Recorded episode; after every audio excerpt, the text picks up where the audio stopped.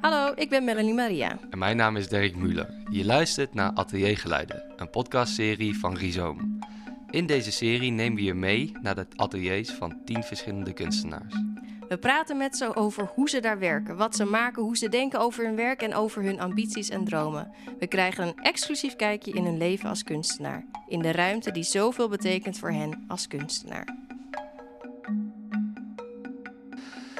Vandaag zijn we op bezoek bij Liedeke Ten in een ruimte op de zolder in Nijmegen. De zolder heeft ze eigenhandig verbouwd tot een zeefdrukwerkplaats waar ze iedere dag te vinden is. Liedeke studeerde in 2019 af aan de Fine Art in Arnhem. We spreken met haar over haar werkproces, haar fascinaties voor ongeziende objecten in huis en op straat en de liefde voor grafische ambachten. We zijn in Nijmegen, zijn we op een. eh, en ik zit hier in een heerlijk straaltje licht. ehm, op een eh, zolderkamer. Eh, maar niet zomaar zolderkamer. Het wordt ook wel een zeefdrukwerkplaats genoemd. Toch, Liedeke? Klopt dat? Zeker, sinds ja, kort. we zitten bij jou. Bij, eh, eh, vertel, wat, wat gebeurt hier allemaal? Ehm, ik denk dat ik sinds een paar maanden deze zeefdrukwerkplaats gebouwd heb hier. En dat kwam eigenlijk voort uit een soort onrust van dat ik niet goed in mijn atelier kon werken. Ehm, het is best wel, ik hou er heel erg van om in werkplaatsen te werken. Dus om echt met ambachten bezig te zijn, of met keramiek, of met zeefdruk, of etsen. Ehm, en ik merkte eigenlijk dat ik in mijn eigen atelier, dat daar niet zoveel van, ja, vandaan kwam, zeg maar. Dus er kwam niet veel uit. Eh, omdat ik hier simpelweg de tools niet had. Ehm, en toen dacht ik, nou ja, waarom bouw ik dan niet gewoon een eigen zeefdrukwerkplaats? Dan kan ik gewoon lekker eh, onafhankelijk in mijn atelier werken. En dan hoef ik ook niet de hele tijd naar eh, Arnhem toe om te zeefdrukken of naar een werkplaats. Ehm, dus dat gaf heel veel vrijheid en zelfstandigheid. Want waar zat dat atelier waar je eerst eh, werkte? Nee, ik ging voorheen ging ik gewoon altijd naar werkplaatsen toe. Dus bijvoorbeeld bij Plaatsmaken in Arnhem. Daar kan je zeef drukken. Maar goed, dan moet je dat steeds inplannen. Het kost ook veel meer geld natuurlijk. Als je ergens anders werkt. Ehm, dus voorheen ging ik gewoon altijd naar ateliers, buiten mijn eigen ateliers, om te werken. Maar dat is eigenlijk heel jammer, want je wil juist een eigen atelier om daar zelfstandig eh, in alle vrijheid te kunnen werken. Eh, en nu kan ik dat dus wel doen. Eh, en, en hoe begin je dat? Want we zitten hier op een zolderkamer. Mhm. Kun je vertellen waar we, waar we precies zitten? Ja, we zitten bij mijn opa in huis. Ehm, mijn opa woont ook in Nijmegen en hij heeft heel weinig spullen. Ehm, en hij is hier denk ik een jaar geleden, of misschien langer, dat weet ik al niet meer, is hij hier naartoe verhuisd. Ehm, en toen stond deze zolderkamer leeg. En toen dacht ik, nou, hier kan ik wel eh, een atelier maken. Ehm, zeker omdat het ook, ja, het, je verdient, tenminste ik verdien als kunstenaar niet veel. Eh, en als je dan elke maand ook eh, geld betaalt voor een atelier, is dat eigenlijk heel zonde. Ehm, voorheen zat ik in het centrum in Nijmegen op de Van Welderenstraat. Ehm, maar daar ben ik op een gegeven moment ook uitgegaan omdat dat niet een hele inspirerende omgeving was. En ik ook best wel gel- veel geld eh, kwijt was per maand. Dus dit is voor mij echt ideaal dat ik hier gewoon eh, lekker de ruimte heb en vrij kan werken. En, Ja. en hoe begin je dat? Want je, eh, je zegt het is meer ook een, het is een atelier, maar ook voornamelijk een zeefdrukwerkplaats. Ja. Ik kan me voorstellen dat je apparatuur moet kopen en, en dat je mondjesmaat dat opstart. Of was het in één keer, ik ga ervoor, ik ga nu een, eh, een werkplaats inrichten. Nee, zeker niet. Ik heb, ehm, eh, ja, om deze 70 werkplaatsen te bouwen heb ik wel wat... eh, ja, dat kost natuurlijk ook al wat, al die apparatuur. Ik heb een subsidie ontvangen van ehm Heiko Konijnfonds en Stichting Stokroos. En daarvan heb ik alle materialen kunnen kopen. En heb ik deze 70 werkplaatsen opgezet. En dat is niet eh, van het een op het andere moment gekomen. Dat, dat kost heel veel tijd en moeite en energie. Want natuurlijk gaat niks zoals je wil. Eh, en is het allemaal best wel lastig om die techniek eh, onder controle te krijgen. Ja. Wat, waar zit de grootste struggle? Ehm, nou goed, ik heb natuurlijk ervaring in de zeefdrukwerkplaats op Artes bijvoorbeeld. Tijdens mijn opleiding ehm, heb ik daar heel veel gewerkt. Alleen daar is alles al. Eh, daar werkt alles. Je kan altijd vragen stellen. eh, de materialen zijn zo goed dat je gewoon meteen aan de slag kan. Maar hier moet je het wiel een beetje zelf opnieuw uitvinden. Ehm, dus je denkt dan van, nou, ik doe precies hetzelfde zoals op de opleiding, maar dan werkt het niet. En dan snap je niet waarom het niet werkt. En dan kost het heel veel tijd om erachter te komen wat er nou misgaat. Dus het, ja, je denkt, oh, dit doe ik even, maar het, ja, het kost toch best wel... Terwijl het een best wel simpele techniek is en het ook allemaal best wel geïmproviseerd eruit ziet als je hier om je heen kijkt. Ehm, maar het, is, ja, het kost toch wel best wel wat uh, moeite om dat helemaal onder het knie te krijgen. Ja, en zijn dat uh, praktische dingen die niet meewerken of hele technische uh, dingen? Ja, meer technische dingen. Ik had op een gegeven moment kreeg ik de zeefdruk emulsie niet meer uit mijn raam. En ik snapte niet waarom niet. Uh, dus dat zijn echt hele technische dingen waar je dan achter moet komen van wat is er nou aan de hand en wat, wat gaat er mis. Bleek uiteindelijk dat die bijvoorbeeld de zeefdruk, de, het, de schoonmaakspul zeg maar, waarmee je de emulsie van de zeef afhaalt, dat die niet bijpassend was bij de emulsie die ik gebruikte. Waardoor die, dat schoonmaakmiddeltje niet werkte voor de emulsie die ik had. Dus ik dacht, nou ja, het werkt voor alles. Maar dan moet je dus bijpassend de schoonmaakmiddel kopen bij de emulsie die je gebruikt ja, daar denk ik van tevoren dan niet over na. Dat soort dingen. Nee, en voor die technische uh, dingen die niet goed gaan of fout gaan. Uh, ik kan me voorstellen dat je hier helemaal alleen zit. Hoe ga je, hoe ga je dat dan oplossen? Zoek je op internet of stel je vragen aan bekenden? Ja, um, nou, ik had heel erg geluk met um, Sjoerd van Ree. Dat is de werkplaasassistent op Artes in, van de Zeefdrukwerkplaats. Daar heb ik nog wel contact mee en die heeft mij best wel veel geholpen. Ook met uh, ja, dingen uitleggen. En hij heeft zelf ook heel veel ervaring met heel klein een zeefdrukwerkplaatsje zelf uh, maken. Volgens mij had hij in zijn eigen huis iets van een kamertje van zes vierkante meter. En daar had hij een hele zeefdrukwerkplaatsje in gemaakt. Dus hij kon mij heel veel vertellen daarover. Um, waar ik heel veel aan heb gehad. Dus dan belde ik hem op en zei ik, hey, hoe kan dit? Of ik ging even langs Artes en dan ging ik daar gewoon aan Walter en Sjoerd even vragen van kan je me helpen? ja, dat is wel heel fijn dat je, dat nog, uh, dat je die connecties nog hebt, zeg maar. En, en zo start je dus een, eh, een zeefdrukwerkplaats. Um, en ik kan me voorstellen, althans ik weet, voor zeefdrukken heb je echt een plan nodig. Je moet weten wat je wil en wat je gaat doen. Uh, dus ik kan me voorstellen dat je niet elke dag aan het zeefdrukken bent. Maar hoe ziet een dag in deze werkplaats, in jouw atelier, er ongeveer uit? Um, nou, je zegt inderdaad al goed, voordat je überhaupt een zeefdruk gaat maken, is het belangrijk dat je weet wat je wil zeefdrukken. En om tot dat punt te komen, um, doe ik vooral veel onderzoek in, uh, in het beeld wat ik uiteindelijk wil zeefdrukken. Um, ik werk vaak vanuit een vrij betekenisloos object of beeld. En vanuit daar ga ik een tekening, een collage maken. En vanuit die tekening of collage maak ik vervolgens een zeefdruk. Dus ik begin altijd met een soort vooronderzoek. Um, waarbij ik ofwel dingen ga fotograferen of uh, tekeningen ga maken van collages bijvoorbeeld. En als ik dan eenmaal een beeld heb waarvan ik denk, ja, dit wil ik zeefdrukken, nou, dan ga ik het vervolgens hier uh, drukken. Um, je zegt een betekenisloos object of beeld. Kun je daar meer over vertellen? Wat is ja, betekenisloos uh, beeld? Nou, het, het meest recente waar ik mee heb gewerkt zijn bijvoorbeeld glossies, vrouwenbladen. Omdat ik me... Um, ja, ik vind het eigenlijk die afbeeldingen die daarin staan... Uh, al die vrouwelijke modellen bijvoorbeeld zijn allemaal zo hetzelfde en zo vaak gereproduceerd... Um, Alleen al doordat bijvoorbeeld de Linda, ik weet niet, duizenden keren wordt gedrukt of zo. Maar ook omdat die afbeeldingen vaak heel eentonig zijn en dezelfde representatie van lichamen in staan. Um, waardoor ik het eigenlijk bijna een soort ja, inhoudsloos uh, foto's vind. Um, dus ik ben vervolgens ben ik die foto's, heb ik daar collages van gemaakt. En die collages ben ik weer gaan natekenen. Um, en zo heb ik geprobeerd om juist een heel intiem beeld te maken van iets wat van oorsprong eigenlijk helemaal niet uh, veel intimiteit be uh, bevat. Dus ik probeer betekenis te halen uit die lege, betekenisloze foto's, bijvoorbeeld. Maar zo heb ik ook mijn inspiratie gehaald uit uitgedrukte sigarettenpeuken of leeggelopen ballonnetjes. Uh, en door die te vertalen naar andere medium, zoals keramiek, zeefdruk of tekeningen, ja, krijg, komt daar een andere betekenis in. En zo'n collage, heb je er toevallig uh, eentje liggen? Hier? Um, ja, ik heb. Even zoeken hoor. Dit zijn de zeefdrukken van de collages.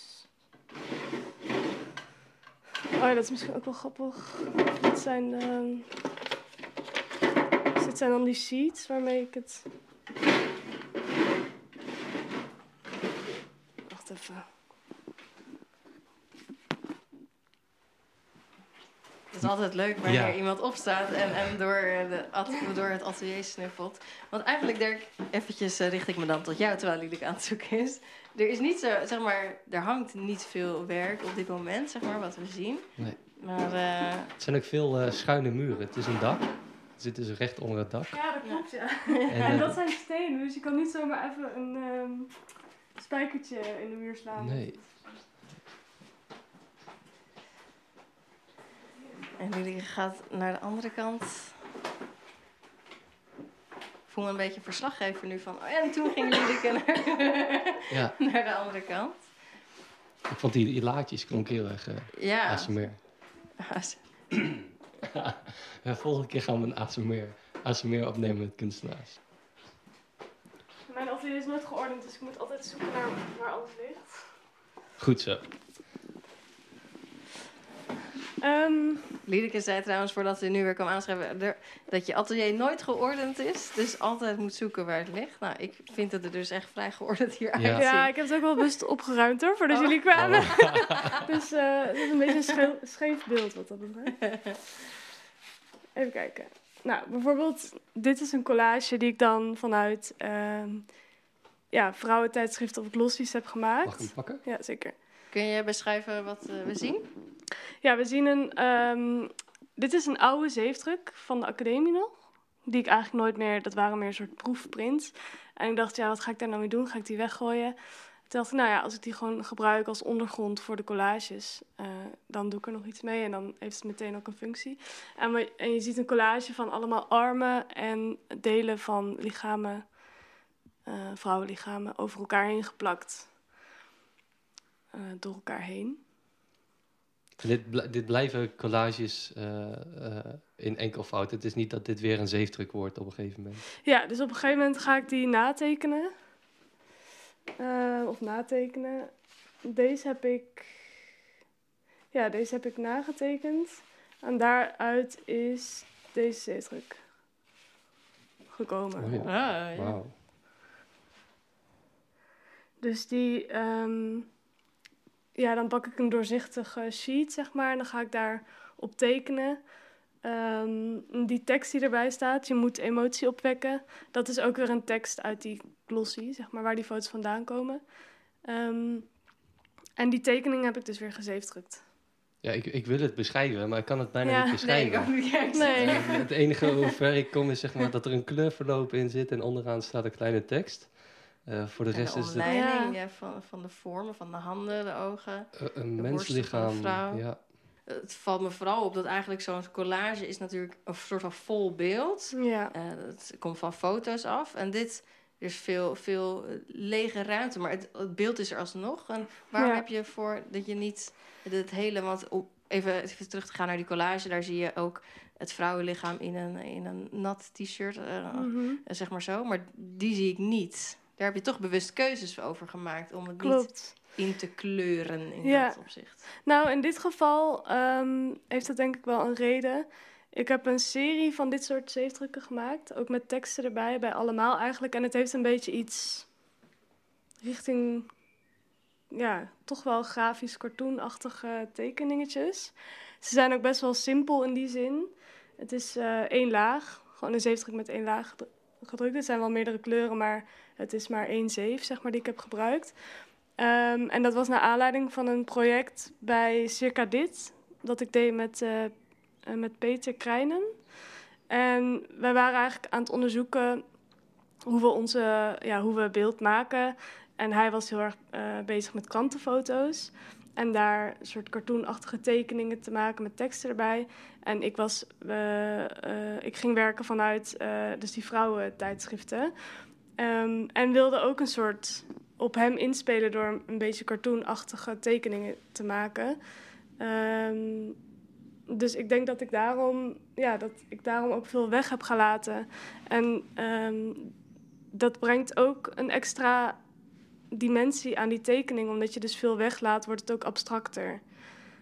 Eh, dus je ziet lijnen, maar je weet nou eigenlijk niet zo goed waar het vandaan komt. Je zou niet meteen zeggen als je die zeefdruk ziet... oh, dit, dit is van foto's uit een, uit, een, uit een tijdschrift, zeg maar. Nee, het heeft ook allebei zijn eigen kwaliteiten. Het is echt mooi om te zien waar het vandaan komt uiteindelijk. Uh, en, en, als je dit presenteert, presenteer je dan ook uh, de collage erbij, het, de, de oorsprong van dit beeld? Nee, de collages zijn echt. Ja, ik, ik ga, met die collages ga ik ook niet goed om, zeg maar. Het is echt meer als een soort, als een soort startpunt. En ik zou die collages niet snel exposeren, nee. Nee, nee, nee. Um, uh, ja, ik wilde eigenlijk naar een ander medium toe. Uh, want we kennen elkaar van de academie en daar uh, studeerde hij ook af met onder andere keramische werken. Um, ik kan me nog heel goed de mandarijnenschil uh, herinneren, die volledig uit keramiek en glazuur bestaat. Um, daar is het atelier, denk ik, of deze werkplaats, niet voor ingericht om met, die, met dat medium aan de slag te gaan. Mis je het om met keramiek te werken? Um, ja en nee. Ik merk dat ik het keramiek, ja, de techniek, zeg maar, heel erg leuk vind. Maar aan de andere kant ben ik nu ook uh, zoveel bezig met helemaal die, dat zeefdrukken uh, induiken, dat ik um, daar ook niet zoveel ruimte voor voel om weer heel veel bezig te zijn met keramiek. Maar ik sluit het niet uit dat ik daar ooit weer dingen mee wil gaan doen. Um, ik heb laatst ook uh, voor het eerst uh, potten gedraaid. en dat sprak me ook super erg aan. Op de een manier dacht ik, oh ja, hier wil ik wel nog een keer iets mee doen. Iets kunstzinnigs. Uh, wat dan precies, weet ik niet. Maar um, ja, dus ik ben voor nu voorlopig wil ik me echt wel bezighouden meer met die grafische technieken. En dat verder uitdiepen. En wellicht komt daar keramiek een keer bij. Maar daar heb ik nog niet zo, dat heb ik nog niet zo in beeld of zo in mijn hoofd. Van. Nee. Want het is wel, dat, dat potten draaien, dat is ook weer echt zo'n ambacht ding. En je, je benoemde dat al eerder, dat je ja, daar gewoon een soort van liefde over hebt. Hoe, wat is het? Wat is het in, in, het in het werken met zeefdruktechnieken of dan dat potten draaien, dan wat je onlangs hebt gedaan? Wat, wat geeft dat jou als kunstenaar? Nou, ik denk dat die technieken, dat ik daarmee uh, mijn verhaal goed kan vertellen. Juist omdat ik dus mijn inspiratie haal uit hele nietzeggende, of in eerste instantie misschien wat betekenisloze of inhoudsloze uh, voorwerpen of beelden. Dat ik door er heel veel tijd in te steken, door middel dus van die ambacht of die techniek, um, wordt het weer iets waardevols. Dus als ik, stel je voor, ik zou een leeggelopen ballonnetje op straat even snel een foto van maken, uitprinten. Uh, dat dat mijn manier was, dan, dan komt er niet zoveel betekenis en waarde in dat object dan dat als ik het eerst zou um, namaken in keramiek. Um, dat zou glazuren, die uh, keramieke uh, ballon weer zou fotograferen en van die foto weer een zeefdruk zou maken. Daar gaat eigenlijk, er zit zoveel tijd in. En ik denk dat de tijd die je erin stopt, door die ambacht en die technieken te gebruiken, dat, dat daardoor er een nieuwe betekenis of nieuwe schoonheid kan ontstaan. En dat je ook ziet in het materiaal van, oh ja, hier heeft veel tijd en aandacht in, ge, in gezeten. Dat vind ik heel belangrijk. Dus dat je ziet dat er ja, heel veel tijd en aandacht in zit. Want hoeveel, hoeveel tijd, nou, gaat zo'n proces? Hoe lang duurt zoiets? Um, welk proces heb je dan? Nou ja, bijvoorbeeld je noemt van het uh, leeggelopen ballonnetje. Die mm -hmm. vind je dan op een moment op een dag op straat. Mm -hmm. En van dat moment tot het eindwerk, hoeveel tijd zit ertussen? Oeh, dat is moeilijk. Um, nou, er zit wel. Ja, dat kan ik niet zo in tijd uitdrukken, denk ik. Want het proces gaat vaak in fases of zo. Maar ja. goed, het, ten eerste ben je dus eerst bezig met die ballon namaken in keramiek. Moet het afbakken, moet je het glazuren, moet het weer gebakken worden. Um, en vervolgens moet je kijken, wat ga ik hiermee doen? En dan ga je proberen die ballon op verschillende manieren te fotograferen. Dus daar ben je ook al wel even mee bezig. En dan de laatste stap was het zeefdrukken. En dat duurt ook wel even, want je moet, als je een, foto wil zeefdrukken, moet je, dus, uh, moet je die foto opbouwen uit vier lagen. Dus je drukt eigenlijk vier lagen over elkaar heen. En uh, alleen al zo'n zeef voorbereiden, zeker in mijn eigen atelier, kost best wel veel tijd. Daar ben je wel een dag aan kwijt om van het begin tot het eind een zeefdruk te maken. Dus ja, daar gaat zeker wel wat tijd in zitten uiteindelijk. En is dat, uh, hè, wat je benoemt, dat is ja, van het uh, ongeziene object, zeg maar, op straat naar, dus echt, ja, betekenis, of misschien wel een nieuwe betekenis aan te geven. Is dat ook, wat ik me afvraag dan, een soort ode of een soort dankbaarheid wat je dat object dan wil geven? Of wat, wat, wat is dat, wat Liedeke triggert, zeg maar, om dat object Ja. zo, zo ja, belangrijk te maken eigenlijk? Nou, ik denk dat ik dat. ehm, als je het dus hebt over die alledaagse objecten waarmee ik eh, aan de slag ben gegaan. Ehm, ook na de academie trouwens heb ik hele grote Toyobo-etsen gemaakt. Waarin ik dus ook weer ging werken met die alledaagse objecten. eh, eh, weer fotograferen en vervolgens als Toyobo-ets drukken. Maar goed, dus als je het hebt over die alledaagse objecten, dat doe ik in mijn eigen hoofd dagelijks al, denk ik. Als ik er zo over nadenk. Als ik me bijvoorbeeld eh, heel erg kut kan voelen of verdrietig, dan zie ik in alle dingen om me heen zie ik dat verdriet ook.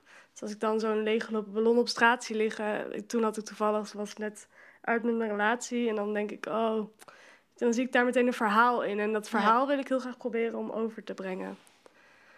Dus is dat dan, is het, ben jij dan dat object? Of is die object dan een representatie van jou wellicht? Mm, ik denk dat het object een gevoel representeert, wat ik misschien dan Ja. ervaar. Ja. Tof. Ja, ik ben helemaal een soort van, ik, ja, Ja, ik eh, voel hem wel, dat uitgeblazen ballonnetje. Maar het was ook heel grappig, want toen ik dat, dus die zeefdruk exposeerde, toen kwam ook zo iemand toe. Ja, ik zie hier inderdaad echt helemaal dit en dit en dit in. En toen begon hij zijn eigen gevoel te omschrijven. Toen dacht ik, oh ja, wow, Ja. wat grappig dat je ook een soort hetzelfde gevoel, maar dan heel erg op zijn eigen leven betrokken. Ja. Ja. Dus ja, dat vond ik wel grappig om te horen ook. ik wil eigenlijk nog wel wat zien. Jij? Ja, ik, Ja. eh, Ja. show me more. Ja, je kan dat. Want ehm, eh, dit is van het proje- project wat jij met eh, Peter deed. Ja, eh, Klopt. Peter Krijnen. Ehm, dat is een tijdje geleden. Is er al een nieuw project ontstaan of nog niet? nee, nog niet. Ik denk dat eh het project was in halverwege april of zo was dat klaar. En sindsdien ehm, eh, heb ik wel al plannen gemaakt, maar nog niks concreets eh, gemaakt.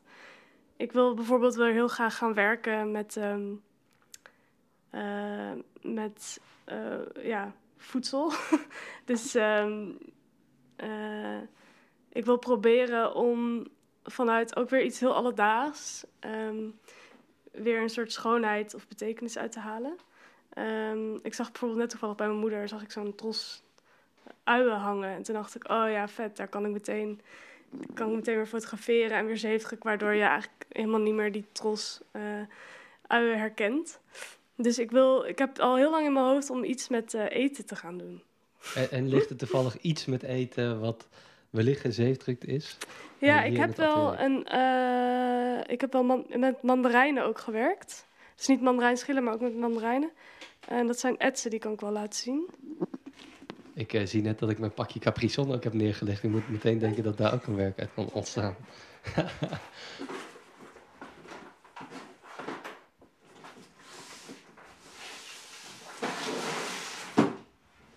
Er wordt weer in de archieven gedoken hier. Ja, het is heel groot. Dus als je dit echt willen zien, moet je eigenlijk hier. Oh. Maar ik kan ook Eens even Ja. kijken. wat kleiners laten zien. Want dit zijn ook zeefdrukken. Nee, dit zijn etsen. Ja. Toyobo etsen.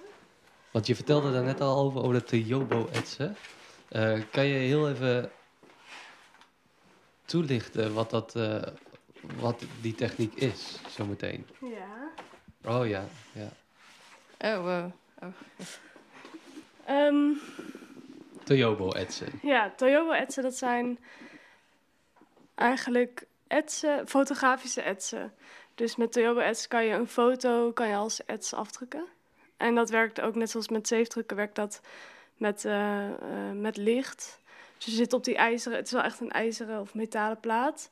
Maar er zit een lichtgevoelige laag op die je dus kan belichten. Waardoor er relief in die plaat komt. En waardoor je hem dus uiteindelijk als ets kan drukken. Ja, en je laat een hele eh, donkere afbeelding zien.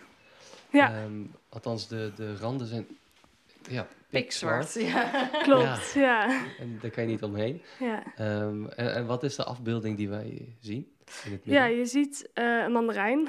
Oh, en eh, dat is eigenlijk ook weer... Ik zat op mijn atelier, in mijn oude atelier was dat nog. En toen had ik een mandarijn laten liggen. en die was helemaal uitgedroogd en het zag er heel raar uit. Toen dacht ik, oh ja, laat ik hier foto's van maken. met een hele zwarte achtergrond, eh, zodat, die, zodat het bijna abstract wordt. Dus je ziet al die groefjes en puntjes en ja, het lijkt bijna een soort gek wezentje of zo. En die foto's heb ik gebruikt ehm, om eh, te gebruiken dus voor Toyobo etsen. Ik ben toen, heb toen een werkperiode bij uh, Stichting Plaatsmaken gedaan, waarin ik die techniek ehm, onder de knie heb gekregen. En uiteindelijk heb ik een serie van negen Toyobo etsen gemaakt op A1 formaat. Dus dat is heel groot, zeker voor deze techniek, omdat die platen heel kwetsbaar zijn en ook heel kostbaar zijn. Dus dit is een voorbeeld van een Toyobo ets op uh, A4 formaat. En dit was een soort voorstudie voor die grote Toyobo etsen die ik ging maken. En je ziet inderdaad dat die inkt echt super zwart is. Dus op groot formaat kan je je voorstellen dat het nog veel intenser is, zeg maar. Ja. Ik vind het vooral bizar dat ik me gewoon niet kan voorstellen dat het zeg maar gedrukt is. Nee. ja. het, het, lijkt gewoon echt een analoge print. Klopt, ja. Nee, het is echt helemaal met de hand uh, gedrukt als ads, inderdaad. Ja. En, en, nu heb je die techniek onder de knie. We zitten hier in een, uh, in een ruimte die eigenlijk is inge, inge, uh, ingericht als zeefdrukwerkplaats. Um, zou je willen werken weer met die techniek en, en hoe ga je dan te werk? Ja, ik wil heel graag naast zeefdrukken ook weer gaan verdiepen inderdaad in andere druk, druktechnieken. Um, Toyobo etsen wil ik misschien ooit wel weer ook weer dingen mee doen, maar wat ik nu uh, als eerste op het oog heb is uh, cyanotype. Dat is eigenlijk een hele makkelijke, uh, relatief makkelijke manier om um, prints te maken. En ook iets wat ik heel makkelijk in mijn atelier gewoon kan doen. Um, dus daar, en dat heb ik nog nooit gedaan. Dus dat, wil ik, daar wil ik mee experimenteren. En dan ook um, vanuit weer foto's van ja, eten dan. van, bijvoorbeeld een ui. En daar een foto van maken en die foto dus weer op een doorzichtig sheet printen. En die, dat sheet weer als cyanotype uh, drukken. Wat is dat uh, met die fascinatie voor eten dan? Heb je dan heel veel honger? Of wat is dat? ja, dat ook. Maar nee. Nou, nou ja, wat je hier ook ziet. Ik wil gewoon um, eigenlijk de dingen die we voor lief nemen... of waar we niet Um, waar we al zo'n betekenis aan hechten van, oh ja, dat is gewoon eten. Ik wil proberen, hoe, hoe kan je zo'n mandarijn ook nog op een andere manier zien of bekijken? Of hoe kan je daar een schoonheid aan toekennen? Of hoe kan je daar een nieuwe betekenis aan uh, toekennen? Iets wat... Maar kan dat ook een stoel zijn? Of, wil maar, of... Mm, dat kan. Dat kan, maar, maar niet helemaal overtuigd. nee, ja, eten is iets. Kijk, een stoel, dat is nog wel. Dat kan ook design zijn, zeg maar. Een stoel is al gemaakt door creatieve mensen vaak. Uh, is al ontworpen, het heeft al een functie, een soort, heeft al eigenlijk een betekenis. En eten is iets wat echt. Ja, dat, dat, dat is er gewoon. En dat is heel functioneel, zeg maar. Um, en is ook, heeft heel veel verschillende structuren en vormen. En uh, ja, ik denk dat ik daar wel veel, um, veel meer kan, mee kan in die zin. En, en wat doet fotografie uh, met het objectief, of hoe noem je dat? Uh, het beschouwen van zo'n stuk fruit of eten? Nou, met fotografie kan je natuurlijk heel erg het, object vervormen en de realiteit veranderen door te spelen met licht en perspectief. Ik wil ook een macro-lens gebruiken, waardoor je heel erg die structuren ziet. Um, ja, misschien is het ook wel een soort bewustwording over wat, wat zien we eigenlijk en wat stoppen we in ons. en um, uh, kan het ook een andere functie hebben dan alleen eten. Ja, want je vertelde inderdaad dat je, um, uh, dat je cyanotypes wilde maken, uh, ja. wil maken. En dat dat ook met fotografie in eerste instantie bewerkstelligd moet worden.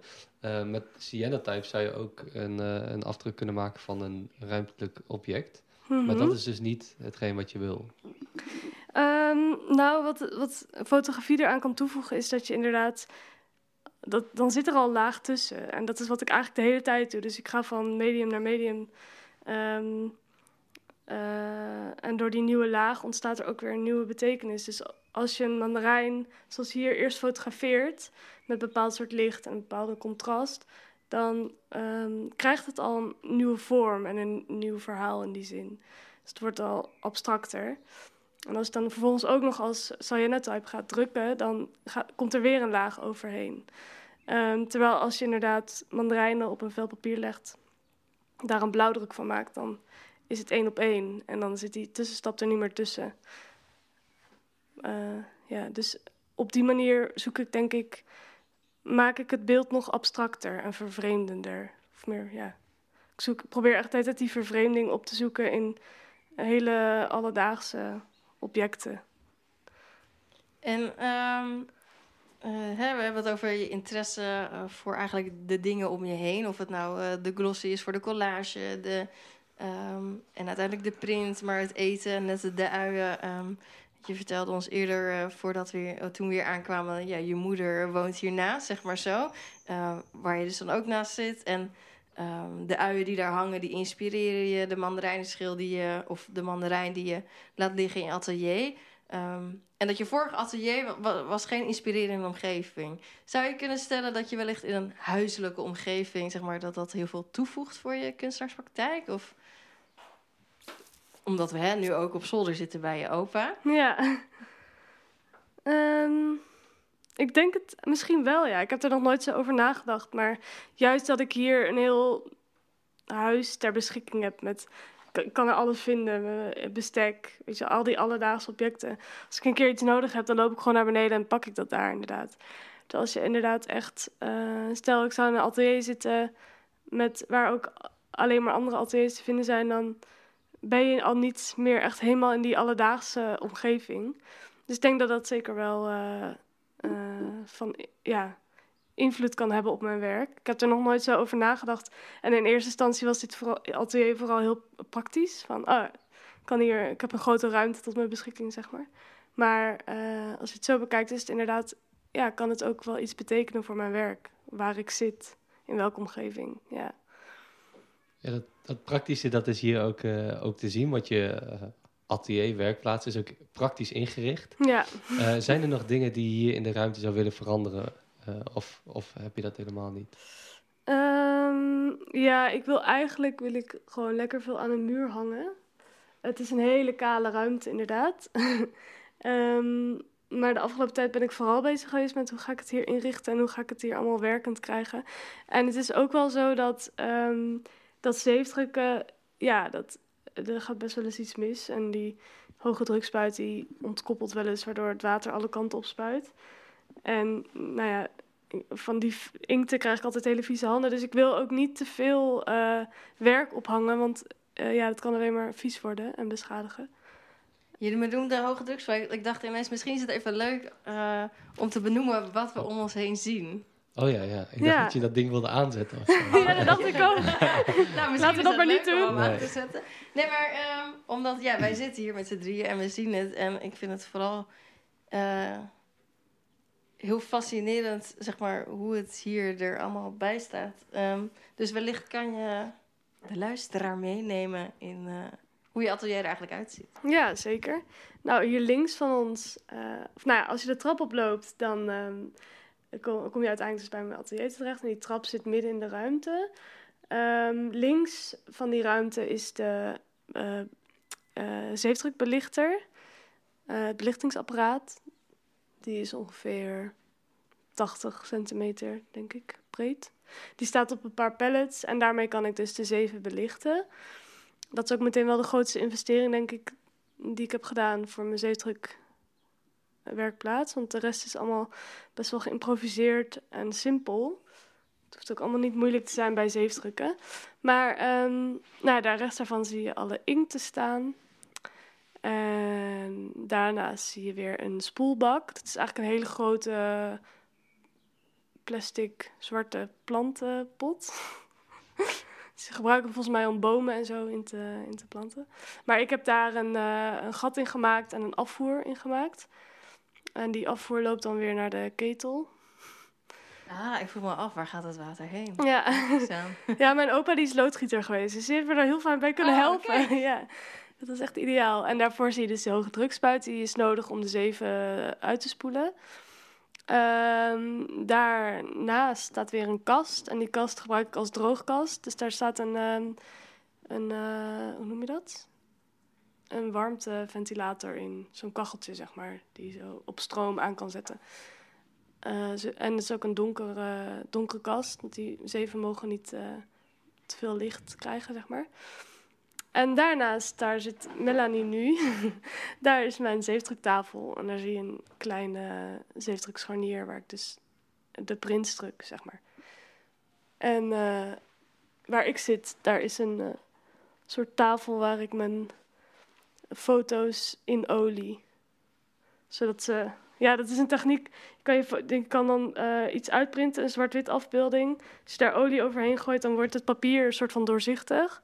En uh, dat kan je dan weer gebruiken om je zeef te belichten. Ja. Je kan het ook printen op een doorzichtig vel, maar dan dat is weer duurder. En dit, dit werkt ook supergoed. Dus.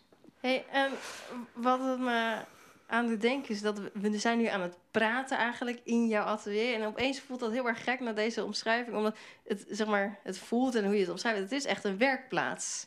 Is ja. Het, kom, als je hier bent, um, gebeurt hier ook het denkproces of werk je hier echt alleen? Of alleen, werk je hier echt alleen? Is dat een goede zin? Nee, ik snap het. heel dramatisch. Ik snap werk wat je bedoelt. echt alleen? um, nee, ik denk dat ik hier wel echt dat ik dit wel echt zie als werkplaats, ja. Het denkproces gaat voor mij veel meer doe ik veel meer thuis tussen de um, werkzaamheden door. Ook als ik iets wil fotograferen, doe ik dat eigenlijk niet snel hier.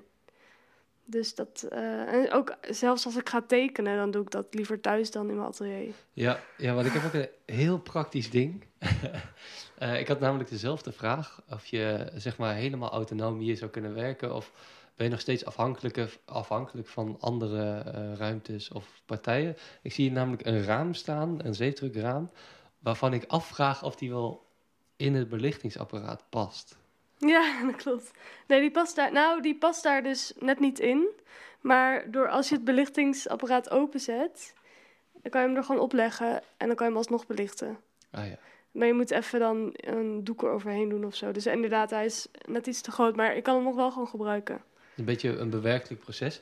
Um, maar ben je nog afhankelijk van andere ruimtes of andere mensen? Ja, zeker wel. Ik denk dat ik vooral het, het zeefdrukken dat ik hier heel veel experimenteer en dingen uitprobeer. En als ik een keer een kleine zeefdruk moet maken of wil maken, dat, dat kan prima hier. Maar als ik echt groot wil werken of ik moet heel precies werken, of ik wil bijvoorbeeld een uh, publicatie of een boekje maken, dan doe ik, doe ik dat toch wel liever in uh, werkplaatsen, professionele werkplaatsen, zeg maar.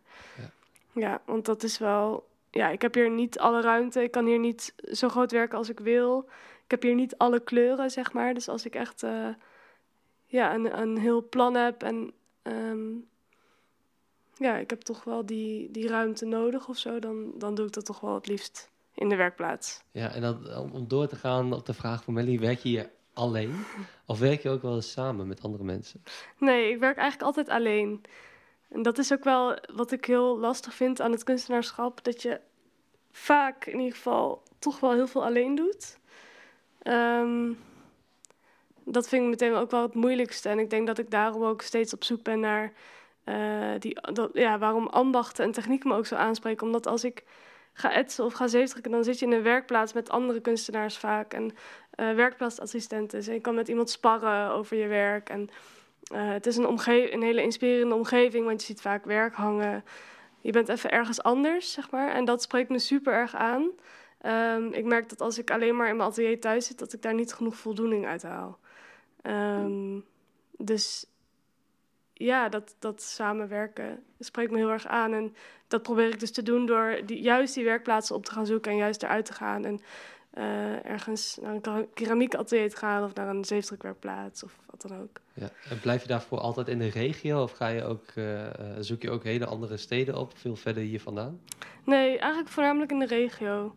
Ik heb bijvoorbeeld ook, wat een leuk voorbeeld is, ik heb wel even ook na de academie met keramiek gewerkt. Maar toen ben ik hier in Nijmegen bij de hobbywerkplaats uh, gaan werken. En dat is eigenlijk een, een buurt werkplaats waar ze ook een bereikclub hebben en een, een houtwerkplaats, een metaalwerkplaats, een edelsmid uh, workshops geven en zo. Maar ze hebben daar ook gewoon grote ovens en uh, uh, glazuren. en dan betaal je volgens mij 90 euro per maand en dan kan je daar gewoon een jaar gewoon werken. Maar je, je zit dan wel tussen uh, mensen die uh, al klaar zijn met werk, dus al gepensioneerd zijn of in een uitkering zitten. Of, dus het heeft ook een hele sociale functie. Maar ja, dat vind ik dan ook gewoon chill om daar lekker te werken. Want je zit dan toch onder de mensen en je kan je ding doen. En uh, ja, ik weet niet meer welke vraag je net stelde. Waarom of, je ook, of je ook wel eens in hele andere steden oh, ja. aan de slag gaat. Dus inderdaad in Nijmegen, in Arnhem veel, bij plaatsmaken vooral. maar niet, eigenlijk niet buiten regio Arnhem-Nijmegen. Uh, heb je nog een vraag, uh, Ja, want daar wilde ik het nog over hebben. Dat was eigenlijk mijn eerste vraag toen ik hierboven kwam vandaag. Um, hey, je had al gezegd, ik heb het ook speciaal voor, je, voor jullie vandaag even opgeruimd... zodat we hier rustig lekker kunnen zitten. Uh, en natuurlijk uh, met de schuine wanden, dat.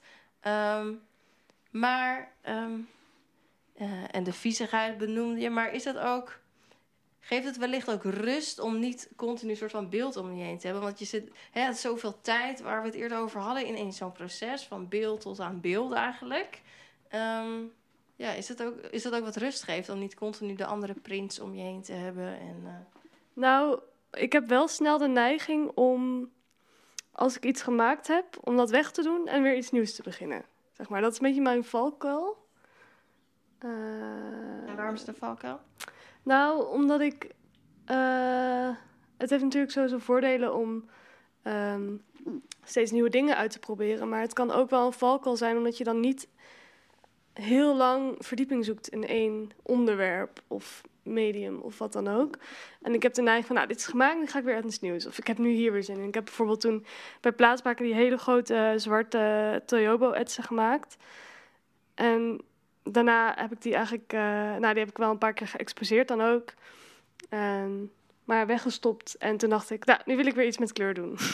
en een hele kleurrijke print gaan maken, zeg maar. Uh, en ook weer met zeefdruk, dus ook weer iets anders.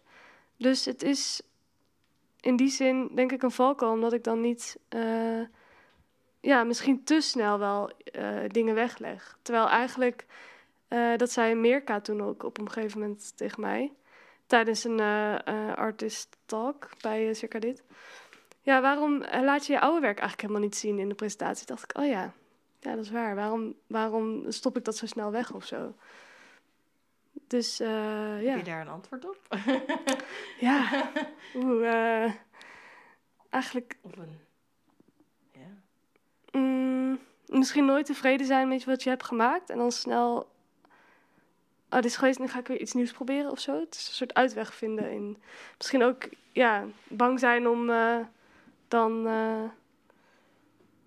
er niet uit te komen of zo. Of, ik weet het echt niet zo goed. Nou, ja. Is het misschien ook dat, omdat je eigenlijk in de. Um, in je artist statement op je website de unnoticed object, zeg maar. Dus mm -hmm. de mhm. dingen die wij voor lief nemen, hè, waar we het een aantal keer over gehad, die wil je zo graag betekenis geven um, voor het object zelf, voor, voor de gebeurtenis, voor um, jouw emotie wellicht op dat moment. Mm -hmm. um, waar, je, waar je een soort relatie mee gaat met het object en daar een werk van maakt. dat het daarmee misschien ook het verhaal een punt krijgt of zo. Is het, is het wellicht dat? Dus dat je denkt, oké, okay, nou, nu heb ik hier betekenis aan gegeven en nu ga ik iets anders zoeken waar, wat dat nodig heeft of zo. Ja, misschien wel. En ik denk dat ik uh, met mijn afstudeerwerk op de academie ook... waarin ik echt werkte met die ballonnetjes en die uitgelukte sigarettenpeuken... en die mandarijnschillen en zo... Uh, daar ben ik wel mee doorgegaan. Ook in die Teljobo-etsen is dat wel een, mm -hmm. lijn geweest. En dat ik inderdaad op een gegeven moment is dat van... oké, okay, iets nieuws. Of dat ik ja. weer een nieuwe interesse heb. En um, afgelopen tijd heb ik bijvoorbeeld heel erg dus gewerkt met het vrouwelijk lichaam. Ja. Um, maar goed, ook dat. Nou, daar heb ik een, een boekje van liggen ook, van, met allemaal zeefdrukken. Wat ook is ontstaan naar aanleiding van het hele uh, zeefdrukwerkplaats opbouwen, zeg maar. Maar dat, dus daar zou ik nog veel meer um, verdieping in kunnen zoeken en mee door kunnen gaan. Nu heb ik meteen alweer zoiets van, oh, ik ga iets met eten doen, weet je wel? Ja. Het is meteen weer iets nieuws of zo.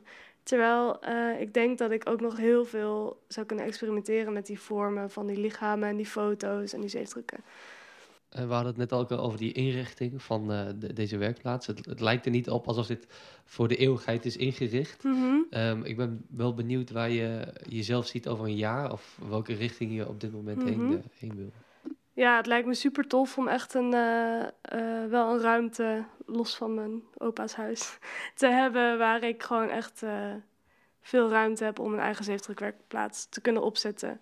Waar ik ook kunstenaars kan helpen met zeefdrukken of workshops kan geven.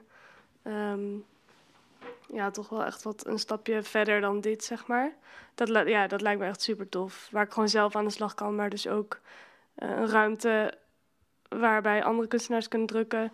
En die misschien ook, uh, waar ik ook bijvoorbeeld exposities uh, kan houden of uh, werk kan tonen. En waar ik wel veel werk aan de muur kan hangen, waar mensen naar kunnen kijken en af en toe binnen kunnen lopen. En ja, dat lijkt me echt heel tof om zo'n plek te hebben. Nou, misschien moeten we zo meteen nog maar even door gaan praten en wat gaan organiseren. Ja, precies. Onze eigen werkplaats. dat, dat was het. Heel erg bedankt, Liedeke. Terecht Je luisterde naar Ateliergeluiden, een podcast van Rizo. Deze podcast wordt mede mogelijk gemaakt door de ondersteuning van gemeente Arnhem. Aan deze podcast werkten mee voor het interview Melanie Maria en Dirk Muller. De annotaties werden gedaan door Joris Broekhoven en Robin Speyer. De montage, het mixen en het masteren door James de Jong, Jascha Mostert. De in- en outro muziek is van Annabel Schouten en de cover-illustratie werd gemaakt door Gemma Oosterhoos.